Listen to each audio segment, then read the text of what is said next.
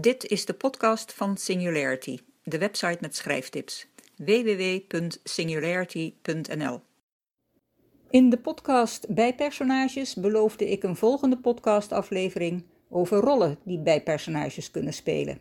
En belofte maakt schuld, dus hier komt ie. Bijpersonages zijn onmisbaar in je boek. Je protagonist kan niet zonder. En de antagonist vaak ook niet.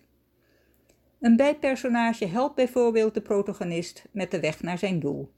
Hij kan zijn beste vriend zijn, een vertrouweling, mentor of sidekick. Of hij werkt hem juist tegen en ergert hem tegen de klippen op. Tussen twee haakjes, waar ik hij of hem of zijn zeg, kun je daarvoor ook zij of haar invullen. Goed, verder.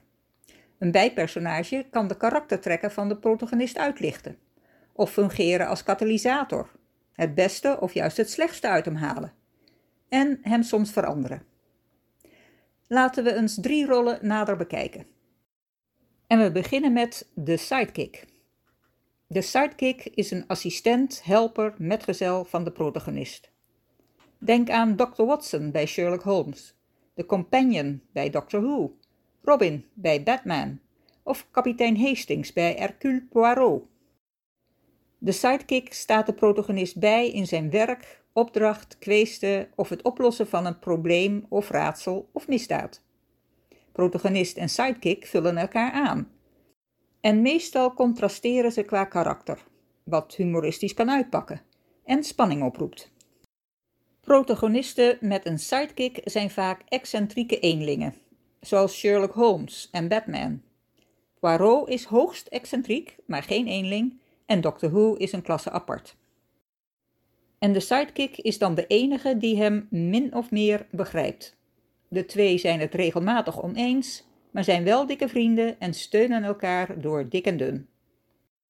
En dan de spiegelaar.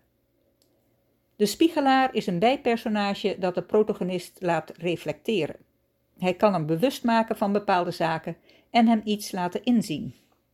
Bijvoorbeeld, de protagonist, een succesvolle ondernemer met een bedrijf in het hectische Singapore, ontmoet na jaren een oude schoolvriend die een rustig kabbelend leventje als groenteboer leidt, in het dorp waar ze samen opgroeiden.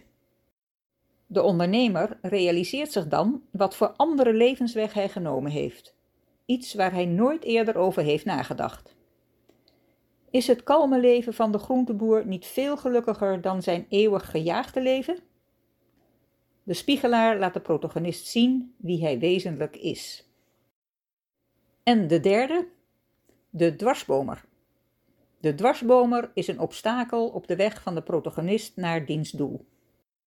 De dwarsbomer is niet de antagonist, dat is de tegenstander van de protagonist, en soms een slechterik.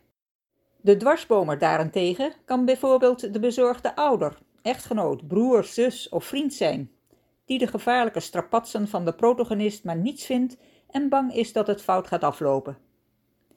En een ander voorbeeld is M, de baas van James Bond, die vaak met hem in de clinch ligt. De dwarsbomer geeft veel mogelijkheden om zowel de sterke als de zwakke karaktertrekken van de protagonist te laten zien. Ik ben aan het einde gekomen van deze podcast. Als uitsmijter, je kunt bij personages prima meer dan één rol laten invullen zolang het verhaal het maar toestaat. Tot de volgende. Oh ja, vond je het leuk? Heb je er wat aan? Maak me dan blij door het te delen. Dankjewel.